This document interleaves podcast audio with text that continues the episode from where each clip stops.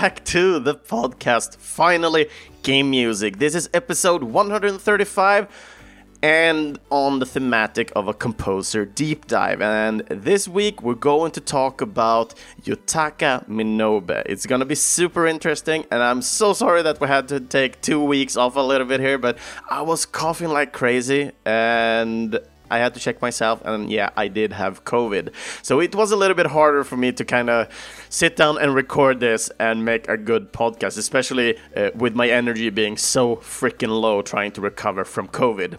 But yeah, I'm back now, and today, as I said, we're going to do this little deep dive to see who the hell is Yutaka Minobe. It's gonna be super interesting. I was super eager to do the uh, the research for this guy, uh, so I do hope you guys sure like this episode with the music that I chose uh, and also the information that I dug up. So let's get to it. So, who is this Yutaka Minobe? He is Japanese. He was born in the 7th of October 1972 in Yokohama. He was self taught playing the piano already at the age of 4 and by the age of 8 he started composing his original work. And during his career he has both produced sound effects, arranged and composed music. And this also for both video games but also anime. Then this week we're going to go through a couple of his earlier works all the way to the latest work he has done. And even though Minobe plays a lot of different instruments, the piano is still his main instrument of choice. During his younger years, he taught himself to compose and develop his talents throughout his years in junior school all the way up to high school. And after studying jazz piano performance at Surugadai University during the early 90s, Minobe struggled to make sufficient earnings as a jazz pianist after graduating. Minobe thought that the only way to get a stable employment was as a game composer and submitted a demo tape to the Sega Corporation. Starting to work at Sega during April 1997, he initially created sound effects for the very first two Saturn titles, Let's Make a Pro Soccer Club 2 and Sakura Taisen. Minobe did not create any music for any of these two titles though. And during this time, Minobe did, however, explore the process of fitting audio to scenes, all while gaining this technical expertise and gradually he became a more integral member of the team and his first compositional debut were for Atsumare Guru Guru Onsen. I don't know the English title for that one, but it seems to be some sort of tabletop type of game. So it kind of looks interesting, but not that super interesting to me at least. and he was also offered to do some sound design and piano performances for the game Sonic Adventures, which is also usually his first credited work. And this game was released back in 1998 for the Dreamcast, and later also got ported to both PS3 and Xbox 360. So it took about three years for Minobe to become a widely recognized but also served as a lead composer for his first big work on the game Skies of Arcadia. And we were going to stop here with the first song, but this is also a requested song, so I'm going to read the comment sent in by Karuchi. So, and since the next episode is going to be on Yutaka Minobe, I will have to request a track from Skies of Arcadia, because of course I have to. I want the track Legendary Sinking Continent, and don't you dare to cut out before the 55 second mark here. That's where the feel really hits hard and you can't miss it.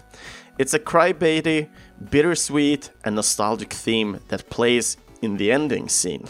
If you feel a track from the end game is a little bit too spoiler terrific, I can accept the track Uninhabited Island as well. That one is a calm piece that I just found myself standing around in that part of the game way longer than I would have to. I even have the old save file ready to load up at any time. and it just shows a little there. Also, though I have the biggest hate boner for NiGHTS Journey to, into Dreams, Minobe's contribution to, it, uh, to its soundtrack are absolutely fantastic. And I hope someone requests that title song from Journey of Dreams. Sadly, no.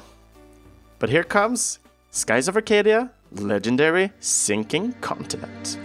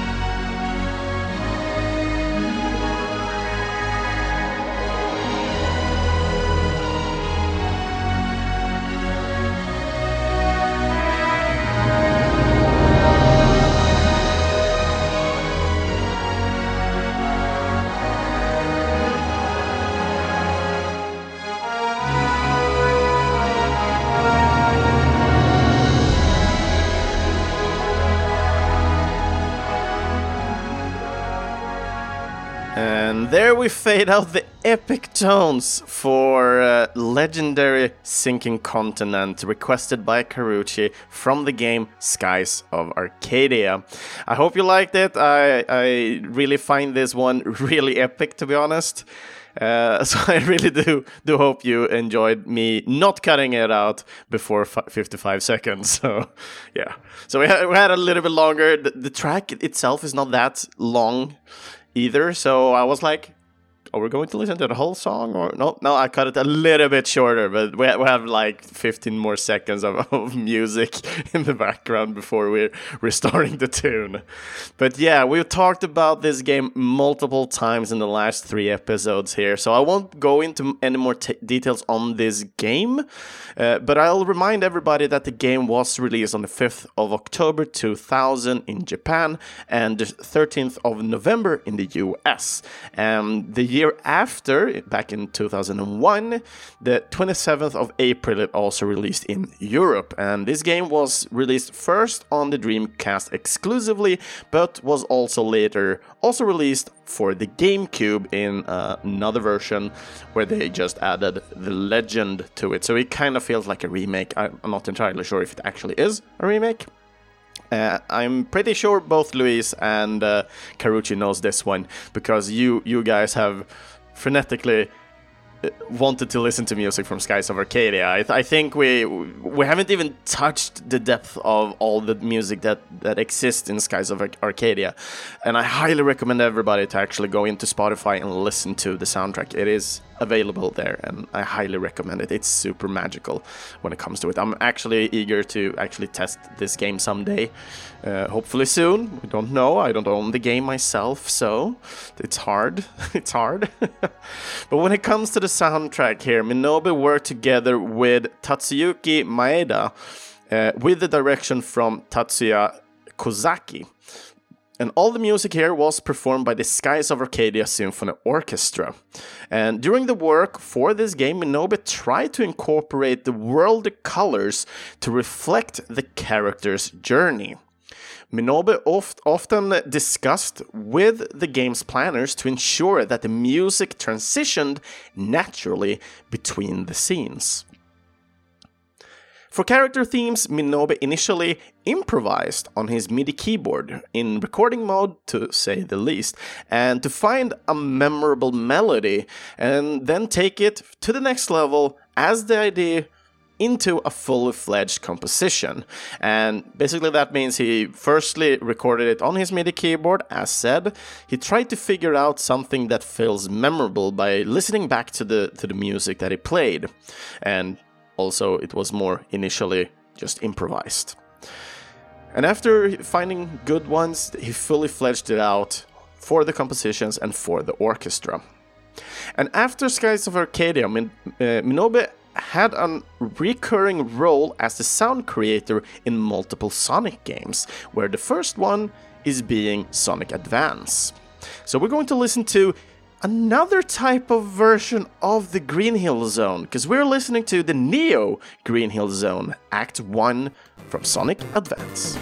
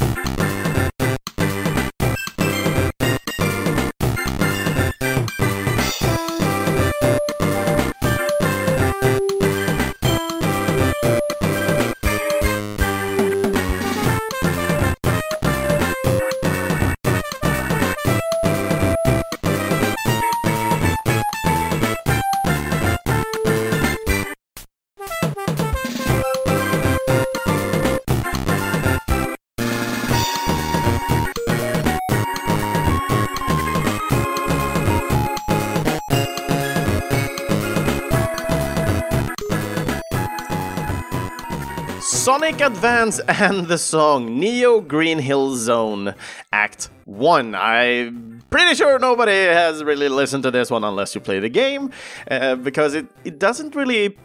I wouldn't say it kind of gets stuck to your mind. It's still kind of. It feels tropical, I would say. But I really like it somehow, and it doesn't feel like the Green Hill Zone in any way. So I'm actually really confused by my feelings listening to this song. So, but I really do do like it in the end. So to kind of sum it up at least. So the Sonic game it was released for the Game Boy Advance and first in Japan the 20th of December 2001, and the game the year after it released in the rest of the world. The game was also later then ported to handheld devices like Android, Blackberry, and N-Gage, but the game was also released for the Wii U through the eShop. And this Sonic game were actually developed by two Japanese companies, the Dimps Corporation and the Sonic Team, which we all maybe hate and love. I don't know. I, I, guess Sonic always brings out the mixed feelings in everybody. You can either love Sonic or you hate him. and I, I'm not sure where I. I actually love Sonic, but I don't love him because of the games. I actually love Sonic because of the, the series he's, in, he's been in, all the self named series and movies, to be honest. But when, when it comes to, to these games, at least, and we're heading back now to uh, to Minobe here because we're not going to talk about the animes here. Uh, there were actually multiple Sonic games in these upcoming years that followed up for, for the Sonic Advance. So it started with this game and then continued with Sonic Advance 2 in, in 2002. And in 2003, we have Sonic Pinball Party. We actually started out with one of those songs from that game in in the background. so if you want to listen to that one, you can just head back and just listen to it. But anywho, during these years of 2002, Minobe worked on multiple games from interesting series. We have Shinobi, uh, the Phantasy Star Online, Episode 1 and 2, and Panzer Dragoon Orta. We also have Ghost Vibration, which kind of sounds weird, like a weird game in my opinion, but well, he, he was working on that one as well during 2002. But in 2003, we'll get more Sonic games. The remake of Skies of Arcadia, called Legend as well. In, so it's Skies of Arcadia Legends.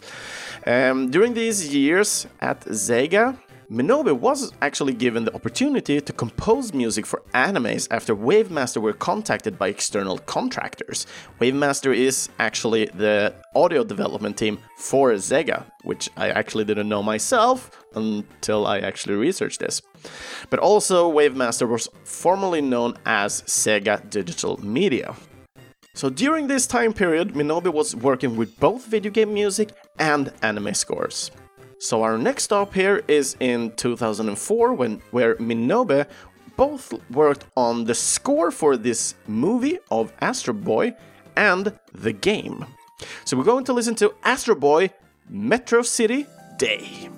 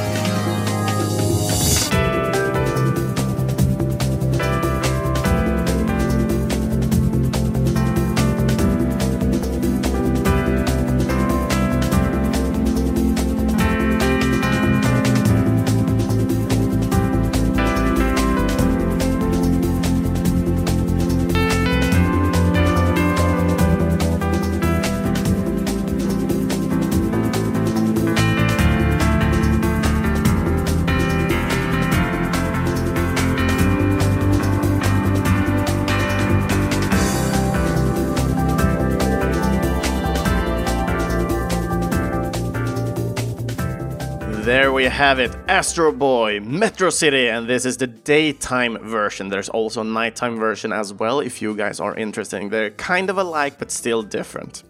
So, when it came to the game Astro Boy, it was actually created by the Sonic team as well and were released in Japan and in the US in 2004. Uh, so Japan had the March release while the US had the August release, and then it also released in Europe in 2005. So there's not much more to add on Astro Boy here, more than Minobe actually worked on on the anime scores and also the, the game scores here, which was interesting enough, but I already said that before uh, we played the song. But during 2004, Minobe got his first compositional debut because he was only arranging and making like smaller sound effects on a main Sonic game. That one being the Sonic Heroes game, where he contributed with a few event compositions and arrangements. Due to Minobu getting more mature and his dramatic approach to, to music and, and how, how he took on these projects, that made the sign director entrust more projects to him. So from Astro Boy, we're going to jump a couple of years here, and during these years, Minobe actually leaves Sega to found the independent studio Delphi Sound, which was also set up by the Wavemaster's former head Yukifumi Makino in 2005. The upcoming projects were Rule of Rose and Odama back in 2006, NiGHTS Journey into Dreams, and Innocent Life, a futuristic Harvest Moon in 2007. And despite leaving Sega, Minobe continued to have a close relationship together with them, due to the fact that he was giving more work in the games such as Sonic Unleashed in 2008, Sonic and the Black Knight in 2009, and yet another game we, we talked about before when we talked about Yoko Shimomura, Little King's Story. And the year after here, 2010, we are finally landing on our next stop. But before we land in the game we're going to listen to here, Minobe works on the music for Sonic Colors. He does pianist work for NieR, and then finally the music for the Wii game Fling Smash. So we're going to listen to the really kind of dark, but I really did enjoy this one, but the song Thundercloud Fortress.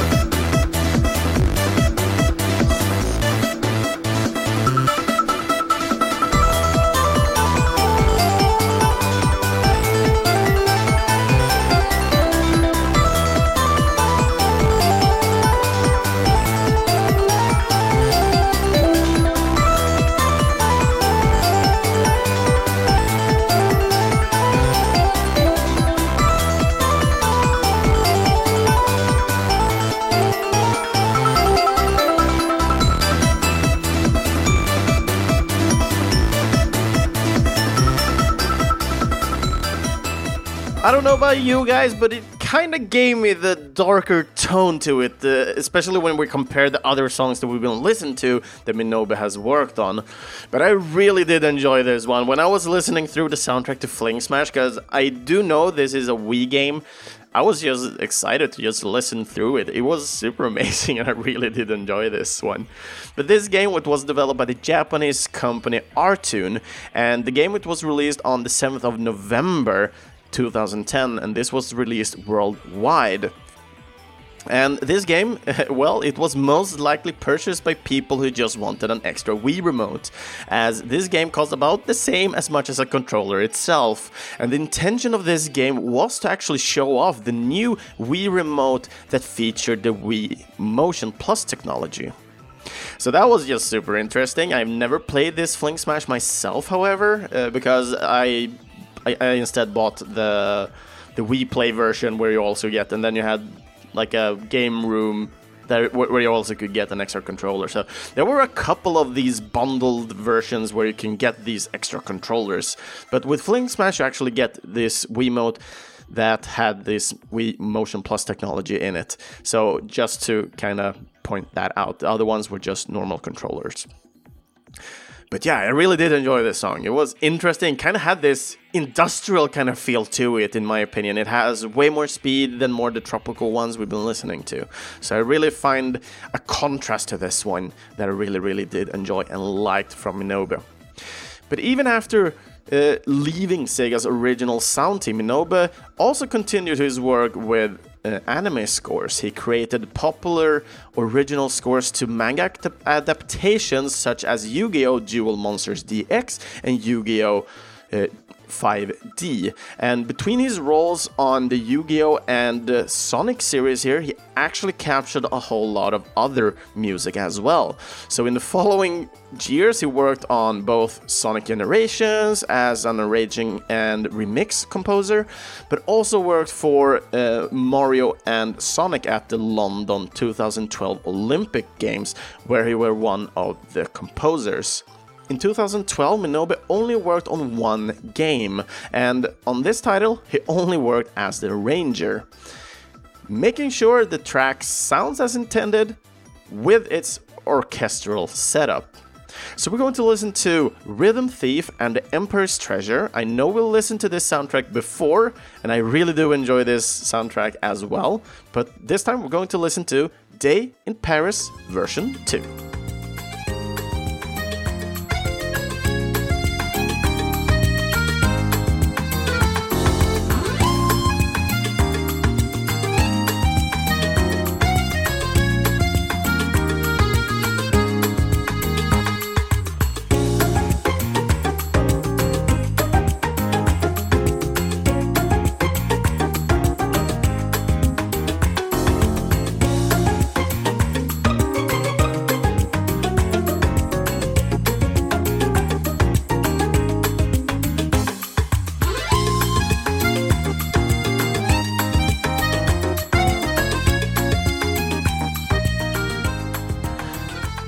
With you guys, but I really feel like this is just like pause music going on. It feels launchy, it feels like something you can listen to while going in an elevator. But this was the Day in Paris version 2 from the game Rhythm Thief and Emperor's Treasure, and I really do enjoy this game so freaking much. I haven't actually completed this one yet, and every time I listen and come back to this game, I always get interested in, in picking up my 3DS and start playing this game game again. I played the demo like crazy, and then I don't remember if it was free at some point or if I actually bought the game. I don't remember exactly, but I, I did download it for my 3DS. I did play it a couple of times. I really did enjoy, but I kind of had a much going on at that point in my life, so I kind of tended to forget it. And every time I'm going back to the soundtrack, I'm always getting the urge to start playing it again. I, I really do enjoy this game. It's fun, it's uh, it's humorous, and I really do enjoy the music for this one. It, I really do. But this game it was created by the Japanese Sega Corporation and together with the Japanese company Xeen. Rhythm Thief was released worldwide in 2012, January for, for Japan and July for the rest of the world. The game was also exclusively released for the Nintendo 3DS. From here, we're getting closer to the end of Minobe's credit list. Uh, the following years until today, Minobe primarily worked on more Sonic games, spin offs, and the main series. In 2013, we get arranged musics for the Sonic Lost Worlds game. Uh, we get original compositions for another Mario and Sonic game, this time at the Olympic Winter Games in Sochi 2014. In 2016, we get uh, Mario and Sonic at Rio 2016's Olympic Games, following up with Sonic Forces and Story of Seasons Trio of Towns in 2017. And then we arrive at the last game on his list, and I was actually interested in having this one last because it does have something special extra that we'll take after the song. But this is the last game on his list, and this is our last song, Pit Stop. So we're going to listen to, and this is a long title, my friends, the Space Channel 5 VR Kinda Funky Newsflash Dance in the Galaxy version Morolians.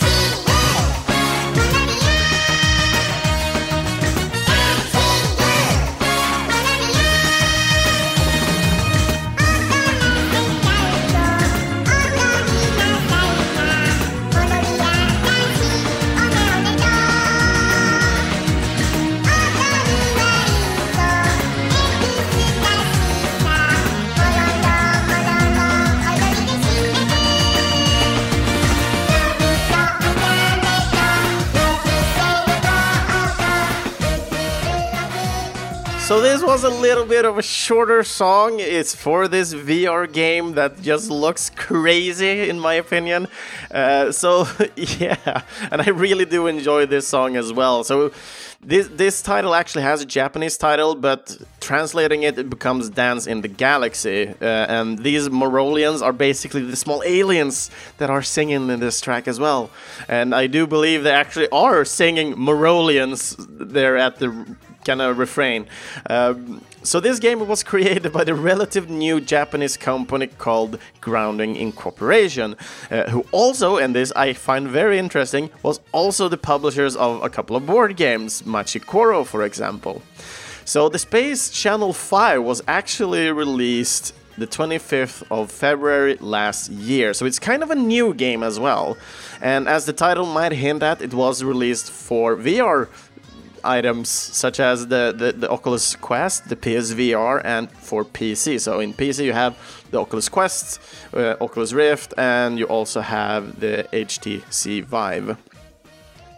So this this game is actually based on Sega's legendary Dreamcast rhythm game just called Space Channel 5. I don't know much about it myself per se. I've only when I did the research actually went back and just looked at it. So it, it, it it's a rhythm dancing game kind of ish. I have no idea how it actually is played with controllers and such, and I'm a little bit unsure how it actually is played with the VR headset on as well. But I guess you're basically swinging your arms around trying to make the, the dances they are doing. And in this specific uh, version or, or, or song you're actually having like a dance off with these aliens and it just looks super silly and hilarious. Uh, but there's act- there was actually a game that I skipped earlier in Minobu's career here, and the one that I did not name was Space Channel. And before going through his, his demography here of games and their music, it was actually back in 2002 where he actually worked on Space Channel 5 Part 2, uh, a game that was released for the Dreamcast, PS2, and later also got ported to the PC and Xbox 360 and also sold on PSN on the PS3. Looking at Minobu now, we're trying to kind of drag everything up uh, and just collect everything. Uh, he doesn't have any public accounts on social media and such, so it's kind of hard to see what, what he's still working on. But since we did get this game and a game in 2020, I can only assume that he is still active with both music for anime and video games. And it's so much fun to see that he had his roots so kind of deep into Sega, even though he kind of left after around eight years. So it's super interesting to see the kind of close co-working solution together with another company. I, I, always love to see these kind of things happen, and they do tend to happen more and more now that more composers are more like freelance than in-house even though in-house are quite big and just looking at how many people are working on music and sounds effects and everything through wavemaster i, I would say they have about like 20 to 30 people in that works just on sounds at sega and that's just amazing and crazy at the same time. But I really do like this information. But yeah, that is the life of Minobu and all the different games that he worked on. I ho- really hope you liked some of the music, or hopefully all of the music that I chose for this episode. And I hope you liked information about Minobu as much as I did. It was fun to research, and it's really fun to just have this podcast to talk to you guys of the music and of the composers behind it. But yeah, that is it for this week and this episode. Uh, it, is a little bit longer than it was initially going to be, but that's because it took two weeks, so I had a little extra time to do more research. But since Minobu is a little bit more private with with everything, I didn't find uh, a lot of interviews and such for the specific games I was going to talk about. But I did, for example, find uh, interviews for Little King's Story. Um, those ones I can actually add into. Uh, um, the links and everything, so you guys can actually read the, that interview if you want to do that. Because we didn't talk about uh, Little King's story, as he was mainly working as an arranger for that that music and that soundtrack. But yeah, Minobu had had an super interesting kind of a route to go through. Uh, going with being self-taught but heading into uh, th- this kind of business working on video game music but mainly and primarily i would say have worked on more arrangements and remixes rather than making original compositions so it was also super interesting just going through all the different soundtracks to find which type of songs had have he worked on and together with whom sometimes as well.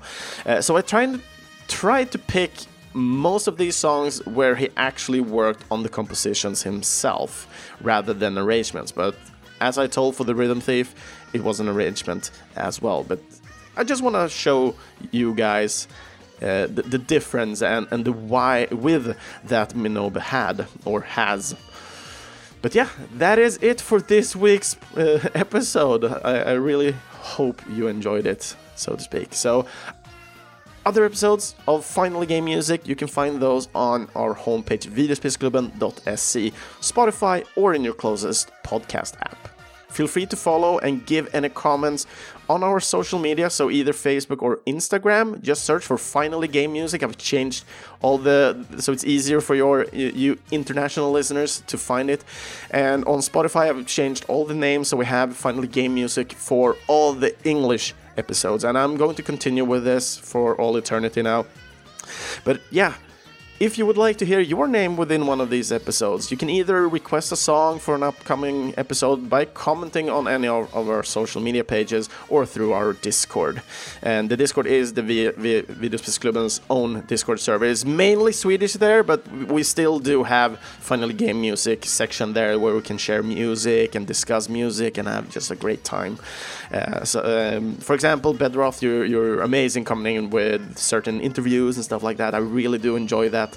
So for more people who just want to join in on the Discord and just discuss music and everything, feel free to just contact me anywhere because I always love to kind of hear new mus- music that I usually don't listen to myself, for example, because you guys are amazing.